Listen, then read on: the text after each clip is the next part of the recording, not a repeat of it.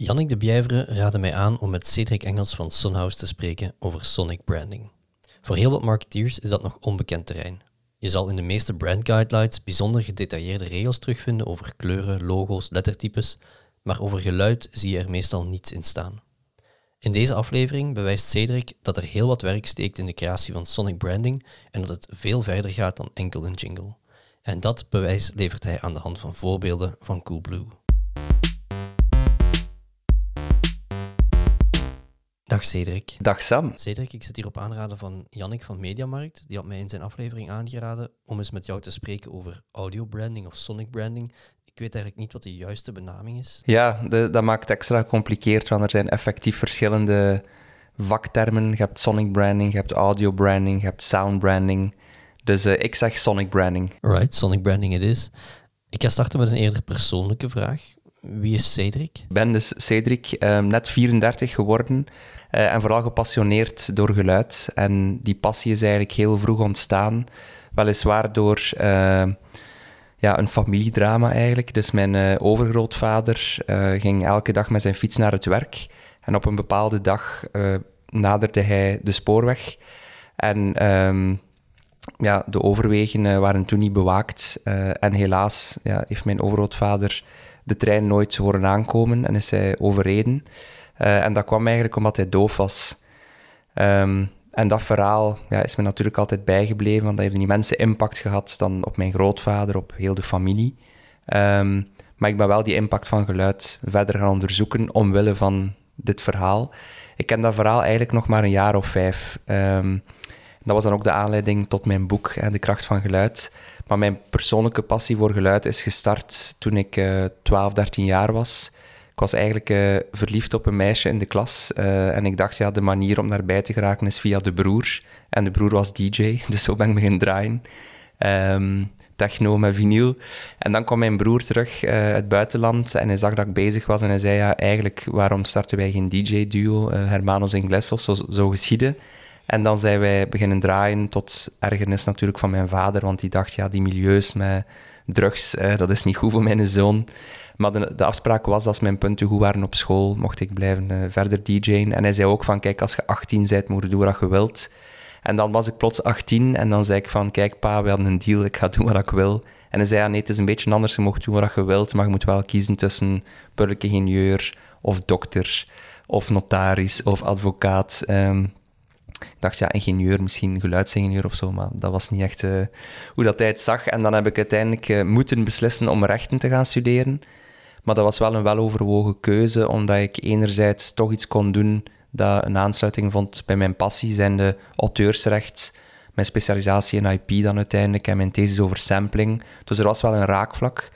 Uh, maar anderzijds, ja, in de rechten moet je eigenlijk nooit naar de les, dus dat is ideaal. Uh, ik kon tijdens de, de, lesuren muziek maken en gaan DJ'en. Um, dus dat was perfect.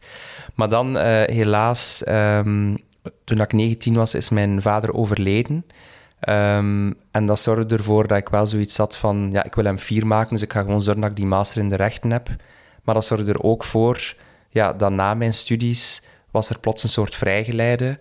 En ik had wel zo wat de, een beetje Lion King gewijs of zo, de stem van mijn vader die wel advies gaf, maar toch werd ik zodanig gezogen dan aan mijn passie van geluid, dat ik op de eerste trein uh, naar Londen ben gesprongen om dan effectief sound en audio engineering te gaan studeren. Dus heb ik daar dan mijn master behaald. En dan, um, ja, nu zal ik een beetje doorspoelen, wat anders misschien een te lang verhaal wordt. Dan uh, in Londen bij een platenlabel gewerkt, uh, maar wel echt nagedacht, ja, wat ga ik nu eigenlijk doen in mijn leven? En dan is een truc, ja, je kijkt achteruit, wat is de rode draad? dan zag ik, oké, dat is eigenlijk geluid, muziek, ik wil daar iets mee doen. En dan was ik heel sterk geïnspireerd door het boek uh, Brand Sense van uh, Martin Lindstrom. En dan heb ik beslist om mijn eigen sound agency uh, op te richten. Met een focus dus op het creëren van geluidsidentiteiten of sonic branding. En dat was in 2012, op de plaats waar we nu zitten eigenlijk. Een klein rijhuisje in Sint-Denijs-Westrem wat dat vandaag eigenlijk uh, Sonhouse Gent is. Dus het kloppend hart van Sonhouse zit in Brussel. En dan hebben we verschillende satellietstudio's van waaruit dat we werken. Om het kort en bondig uit te leggen, is onze missie om geluidsidentiteiten te creëren. Ehm, wij geloven dat wij merken sterker kunnen maken door ze een auditieve smoel uh, te geven, maar wel echt geënt op uh, het DNA van een merk. Ik zeg altijd, sonic branding is geen jingle. Um, sonic branding verschilt van de aanpak van een jingle, omdat sonic branding echt wel, zoals ik zei, vertrekt van het merk. Dus eerst wordt er een voorstudie gedaan uh, van het merk, gaat over missie, waarden, identiteit. Um, maar evengoed, ja, de strategie erachter, zitten we met een, een merk dat voor een customer intimacy gaat of een product leadership. Uh, we kijken ook naar de archetypes van het merk. Um, en nadien een deep dive uh, in het brandboek en in het merk en ook in de markt, ja, de concurrentie, wat toen zei, doen we een workshop. En na die twee uur durende workshop kunnen we eigenlijk een analyse maken. En op basis van die analyse creëren we een song van ongeveer een minuut. Hoe klinkt een merk? Um, en die song is eigenlijk het universum van waaruit dat we dan afgeleiden gaan creëren. En één afgeleide is dan een soundlogo of een jingle. Merken staan er niet bij stil, maar ze communiceren constant met geluidsgolven. Ja, waarom daar dan niet strategisch over gaan nadenken, dat iets creëert dat echt wel past bij je merk. Dus jullie creëren een nummer van één minuut en dat is dan het geluid van het merk. En alle zaken zoals jingles of muziek bij een radiospot, die moeten dan binnen dat nummer passen. Wel, het is zo dat de song is eigenlijk het universum. Uh, je kunt de analogie gaan maken met een visuele huisstijl. Dat is ook niet enkel en alleen het visuele logo. Uh, dat gaat over uh, kleurgebruik, over font, ook over verschillende afgeleiden naar gelang de kanalen en de media.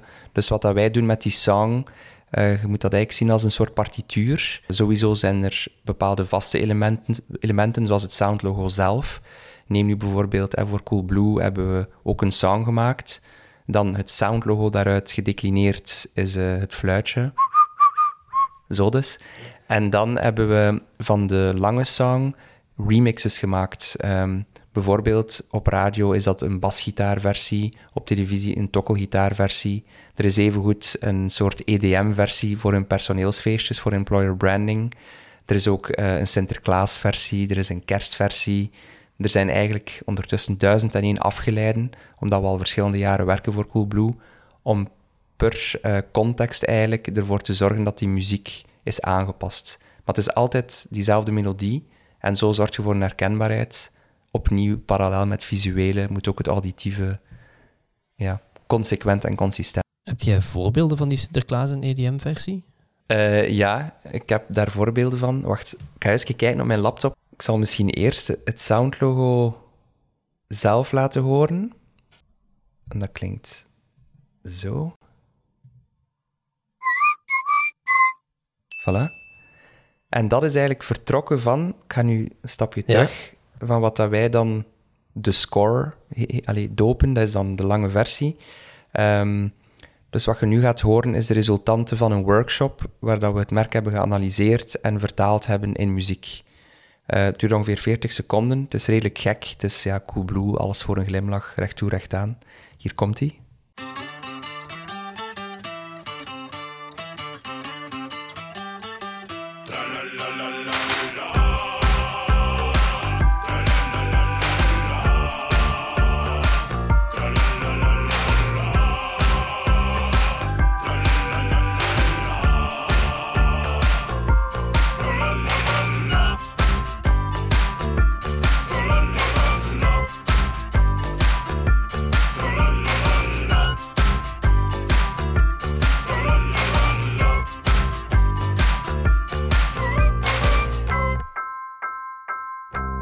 Dus dat is hoe klinkt Coolblue.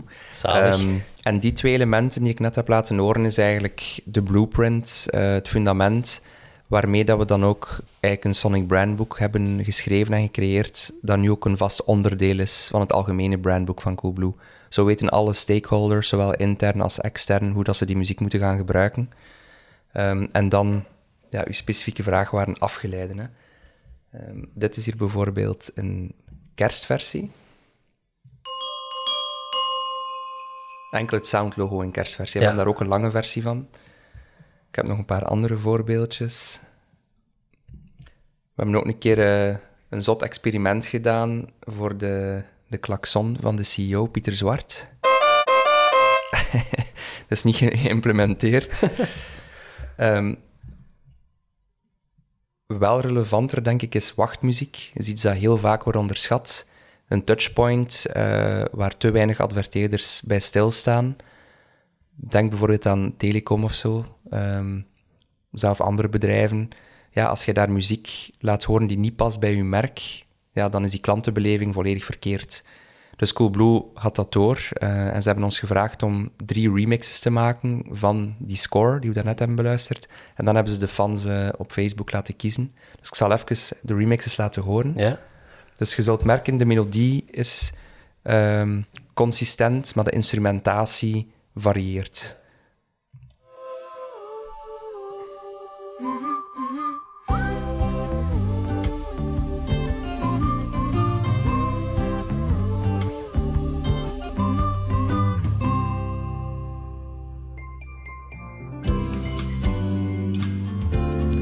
een andere emotie. Hè?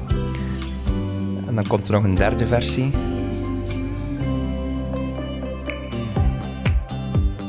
Voilà, en het is die geworden. En dan konden de fans op Facebook een reactie nalaten.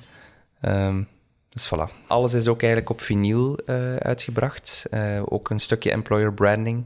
Ja. Um, en ja, dan zijn er ook nog gekkere remixes die we gemaakt hebben. Bijvoorbeeld... Uh, een project waarbij Coolblue Apple-producten wil gaan promoten uh, en ook GarageBand. En dan hebben ze ons gevraagd om een soort mashup te maken van de Apple ringtone, gecombineerd met hun uh, melodie. Dus ik ga ook je laten horen. Ja, hier in beeld zien we dus een soort band die is samengesteld door Coolblue. Dat is eigenlijk het marketingteam die die muziek dan naspeelt. Ah, cool. Ja. Drie, twee... Dus dit spelen ze nu live. En hoort de melodie van Coolblue.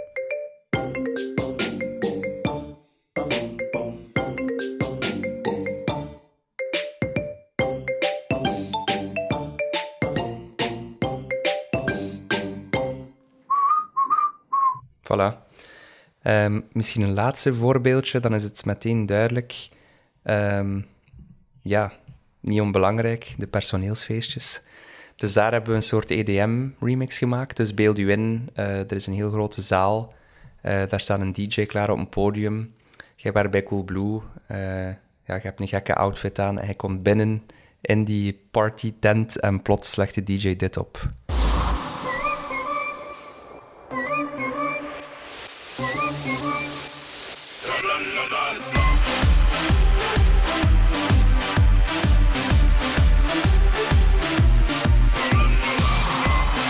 is eh, een remix van ongeveer drie minuten, dus ik ga hem nu afzetten. Ja. Dat is wel zalig. Voilà. En dat brengt ons meteen bij het belangrijkste zijn, de stilte. ik heb bewust even gelaten. Want dat is natuurlijk de, de toetssteen. Hè. Um, we adviseren ook altijd merken om gericht geluid en muziek te gaan inzetten en stem. Um, het moet functioneel zijn, het moet een meerwaarde creëren. Mag geen doel op zich worden. Merken staan er, vind ik, te weinig bij stil dat ze dus aan het communiceren zijn met geluid. En als je nog niet hebt over nagedacht, moet u de vraag stellen, past het wel bij ons merk? Ja, en het gaat dus ook echt veel breder dan een jingle, want dat was eigenlijk de initiële vraag waarmee dat ik vandaag naar hier kwam. Wat is de ideale jingle? Daarjuist vroeg ik jou naar alternatieven van die Cool Blue jingle, maar je bent dan eerst een stapje teruggegaan en hebt de song laten luisteren. Laat ik nu nog een stapje teruggaan hoe kom je van de briefing of de input van de klant tot die song? Welke vragen stel je aan een klant? We hebben eigenlijk een hele methodologie ontwikkeld. Um, dat heeft toch een jaar of twee geduurd. Um, is ook gecertificeerd door de Audio Branding Academy. Dus alleen kort, uh, we, analyseren het merk. Uh, met die input kunnen we rond de tafel gaan zitten met de decision makers van het merk ja, natuurlijk liefst met het bureau erbij, uh, met uh, het agency, het reclamebureau aan tafel. Want soms gebeurt het ook dat merken ons rechtstreeks contacteren. Uh, maar het is toch belangrijk om ook met een agency te kunnen zien dat de strategie ook goed is afgestemd.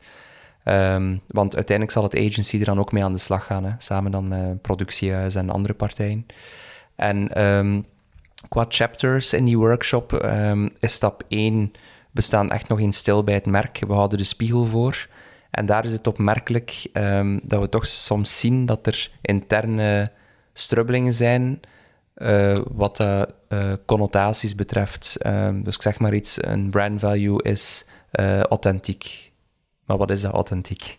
Um, dus wij zorgen er dan voor dat iedereen gealigneerd is qua definiëring en qua appreciatie of begrip of zo, of connotatie aan soms holle termen.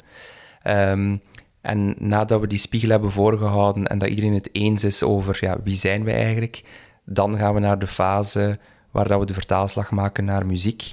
En daar hebben we verschillende technieken, uh, wetenschappelijke technieken, uh, die geënt zijn op uh, muzikale parameters zoals melodie, ritme, volume, schaal en zo verder. Dan hebben we ook meer marketingtechnieken. Um, ik ben bijvoorbeeld een grote fan van um, Sensidium, het Ipsos-model. Um, maar dat we ook wel gebruiken om bepaalde vertaalslagen te maken. We luisteren ook veel naar bestaande muziek. Maar dus ja, een hele trechtertechniek, zeg maar, om uiteindelijk tot een synthese en analyse te komen. En daarmee um, activeren we ons freelance platform. Dus we werken ondertussen met, denk meer dan 4000 freelance um, zeg maar. En dan geven wij hen die strategisch creatieve briefing. En dan laten we er drie teams op werken om dan zo eigenlijk ja, tot één finaal gegeven te komen. Zijn er dus die score en het soundlogo. Maar het is dus niet zo dat je met een merk aan tafel zit en dan vraagt, vindt hij dat jouw merk eerder een gitaar is of een piano? Dat zit er ook wel in, wat je nu net aanhaalt, maar dat is dan meer ehm, een check of zo, um, omdat dat niet echt onderbouwd is. Mhm. Eh, dus we moeten net alles objectiveren. En we willen vermijden dat een CEO aan tafel zegt ik haat ehm, een accordeon, terwijl dat misschien perfect bij zijn merk zou passen. Ja. Dus dat is de moeilijkheid, hè? objectiveren. Want muziek blijft iets zeer subjectief. Je vindt iets goed of slecht, maar je moet dus de abstractie kunnen maken van wat past bij het merk. Niet wat vind ik leuk of mooi of slecht. Wat zijn de elementen van een goede sonic branding? Wat moet er zeker in zitten? Ik denk, het moet um, eerst en vooral ja, geënt zijn op het merk, is al duidelijk. Um, maar het moet ook flexibel zijn.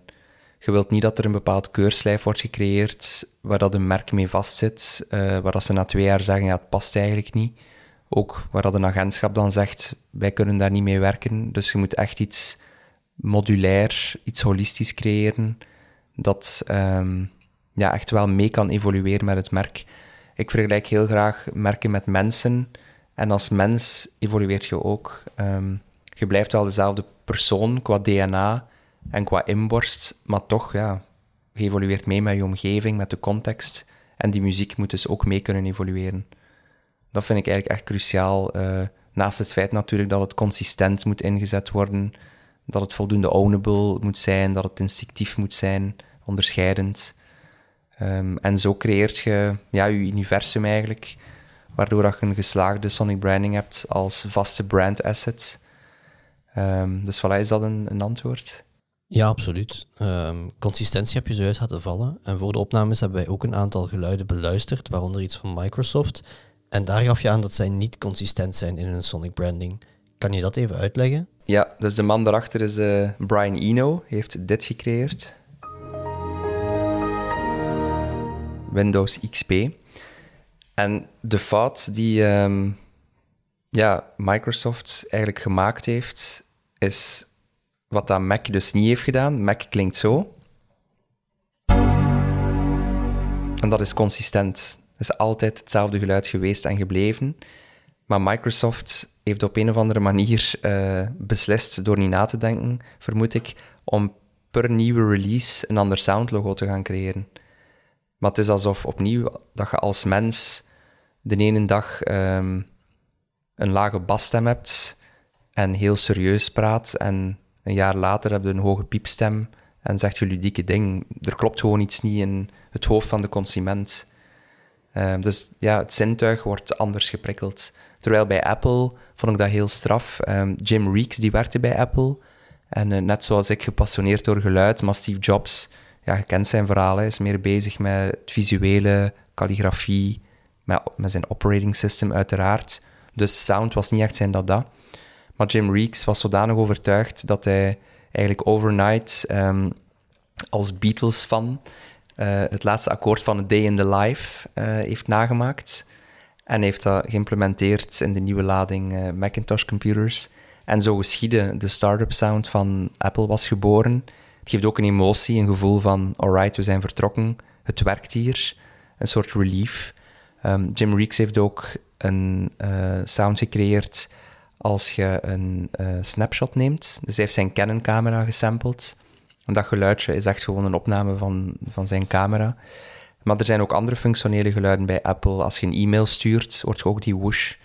Dan denkt je van, uh, crap, ben mijn bijlage vergeten.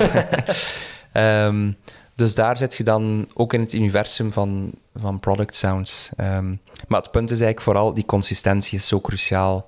Een eenduidig verhaal. Um, en niet van de hak op de tak springen qua sound. Dus we hebben flexibiliteit en consistentie. En voor de opnames begonnen heb je ook gezegd dat context belangrijk is, context en emotie. Heb je voorbeelden van wat dat je daarmee bedoelt? Ja, voor mij hangt dat sterk samen met flexibiliteit. Hè. Dus naar gelang touchpoints, naar gelang uh, de boodschap die je wilt vertellen, het doelpubliek en de emotie die je wilt bereiken, moet je dus ook wel nadenken over sound. Um, ik denk dat dit een voorbeeldje is van een universum dat gecreëerd wordt en onmiddellijk een bepaalde sterke emotie. En plots is er hier een haai op de loer. um, ja, het universum van Jaws in, wat is hier, twee seconden. Een ander voorbeeldje is uh, misschien wel mijn favoriet. is minder dan een seconde. En plots is 007 daar. En dat is misschien wel mijn grootste inspiratiebron, omdat die melodie, ja, die wordt al ondertussen, denk ik, meer dan uh, eh, 50 jaar gebruikt, als ik me niet vergis. Maar naar gelang de context van James Bond wordt die instrumentatie veranderd. Als hij in India is, dan hoort je de lokale instrumentatie. Als hij aan het racen is uh, met zijn auto, wordt een zware elektronische versie. Maar het is wel altijd die herkenbare melodie. Um, en je vroeg mij daarnet wat zijn de belangrijke elementen dan bij een sonic branding? Eigenlijk is stem en tone of voice ook zeer belangrijk. En dat is wat James Bond zo goed doet. We kennen allemaal zijn eh, catchphrase, dus ik ga hem nu niet herhalen.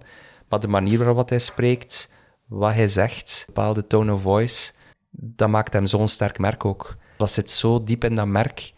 Uh, Coolblue heeft dat trouwens ook. Dus zo kun je nog sterker zijn als merk. Dus als je binnen Sonic Branding nog een keer een specifieke tone of voice vindt, en dat in je communicatie, ook in copywriting bijvoorbeeld. Dat is dan een beetje zoals de Voslemmes en Gamma die een specifieke tone of voice hebben. Ja, absoluut. Dat is een goed voorbeeld, ja. En de Voslemmes is geniaal, want als je een keer een radiospot zou analyseren, heb je zoveel bouwstenen. Je hebt de, de intro-jingle, die een tutute. Uh, dan heb je aan tafel, dan heb je, zeg de Vos, ja, Lemmes. je hebt zoveel slimme auditieve triggers, maar dus ook een tone of voice. Want als je een radiospot hoort, dan zie je eigenlijk al die personages. En dat klopt ook met die ja, crossmediale aanpak van de tv-spots en de video's. Dus um, ook die consistentie bij de Voslemmes. Hetzelfde bij Gamma. Hetzelfde bij, uh, tot ergernis misschien van sommige mensen, maar Dovi Keukens. Die een nagel, ja, die een mens blijft daar gewoon op slaan. En je kunt het goed of slecht vinden, maar het zit wel in ons hoofd. Um, dus ja, die consistentie doet wel echt iets. Is audio branding eigenlijk iets wat ieder bedrijf kan gebruiken? Nee, het moet echt wel relevant en versterkend zijn voor je merk. Uh, als je ja, niet op bepaalde media communiceert waar dat geluid aan bod komt, dan kan het ook gewoon storend werken. Uh, als de slager om de hoek hier uh, zijn sonic branding installeert op zijn deurbel, of telkens dat iemand binnenkomt, en je hebt dan nog een keer zijn sonic branding die afspeelt als je in zijn zaak staat, en Allee, het is misschien niet zo'n goed voorbeeld wat ik geef, hè, maar het moet gewoon bijdragen tot het merk. Dus het is enkel geschikt voor bedrijven die tv-spots en radiospots maken enzovoort? Nee, het is geschikt voor bedrijven die communiceren met geluid. En er zijn natuurlijk nieuwe media. Um, in uw zak zit er waarschijnlijk een iPhone. Dat heeft ook speakers. Uh, je hebt ook applicaties. Uh, je hebt um, ja, product sounds, notification sounds. Dus het is niet enkel en alleen gelinkt aan televisie, radio en hoge mediabudgetten. Het is gewoon puur gelinkt aan communiceert je met geluid. Er zijn ook heel veel merken die op socials video's gebruiken. En dan zetten ze daar een stokmuziekje op, dat misschien totaal niet past bij een merk. En zeker niet ownable is. Want ik heb het ook al vaak gezien dat ik dan een ander merk zie die exact dezelfde stokmuziek gebruikt. Dus wat zij er dan aan het doen? Is of dat BMW en Mercedes hetzelfde visuele logo zouden hebben. We hebben het gesprek veel breder getrokken dan ik had verwacht en dat vind ik heel tof. Maar er is toch nog een vraag die ik graag wil stellen en dat heeft te maken met dit geluid. Dat is de jingle van Decathlon en ik heb die nu al aan superveel mensen laten luisteren, maar niemand weet dat die van Decathlon is. Iedereen denkt spontaan aan telecom of verzekeringen. Nu heb ik de laatste tijd heel veel geluisterd naar radiocommercials in de auto. Soms hoor je jingles zonder een bedrijfsnaam, soms hoor je ze met een bedrijfsnaam en soms hoor je een jingle met een bedrijfsnaam en hun activiteit. Is het belangrijk om die drie elementen in een jingle te hebben? Een herkenbaar geluid, een merknaam en de exacte omschrijving van wat dat je doet? Mhm.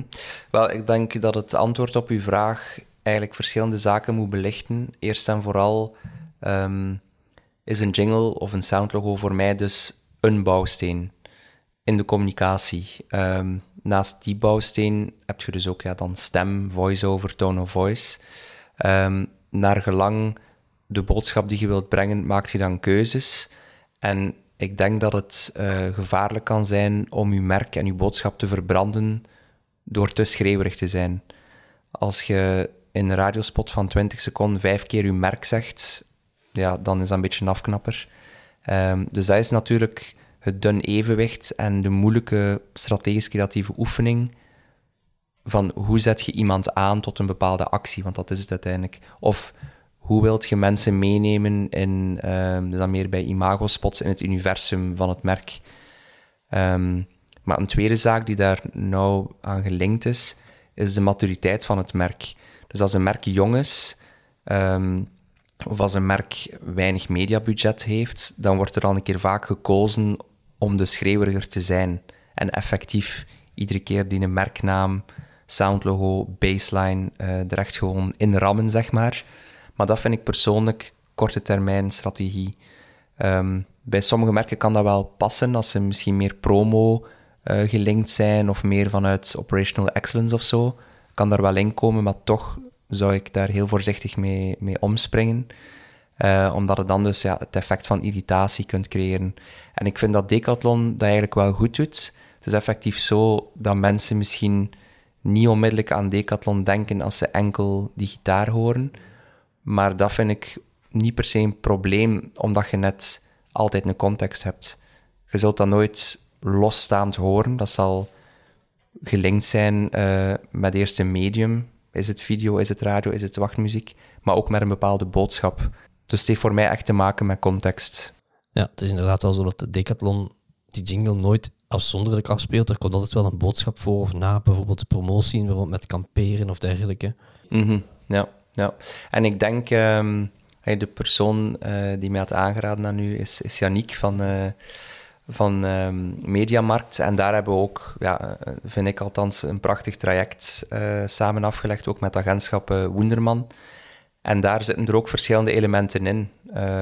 dus je hebt dan die, ja, wat is dat?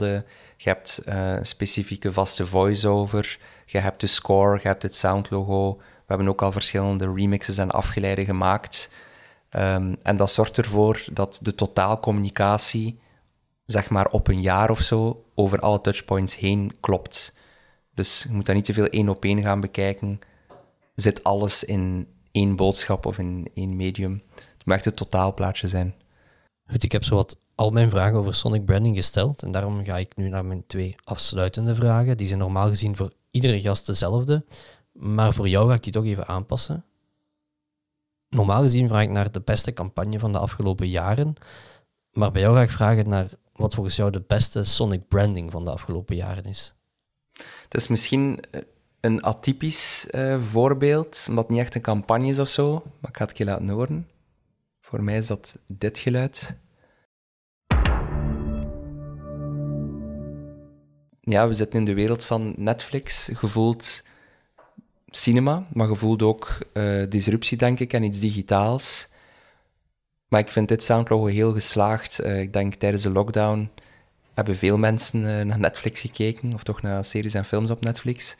Ehm, en voor mij ja, tilt deze sound Netflix echt naar een hoger niveau.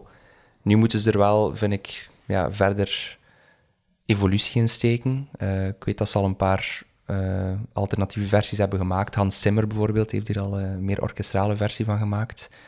Maar ja, dat is voor mij een voorbeeld van hoe dat geluid een merk kan versterken. En waarom versterkt hij dat precies? Uh, omdat het ehm, enerzijds een extra zintuig prikkelt, omdat het anderzijds voor mij perfect aansluit bij het merk.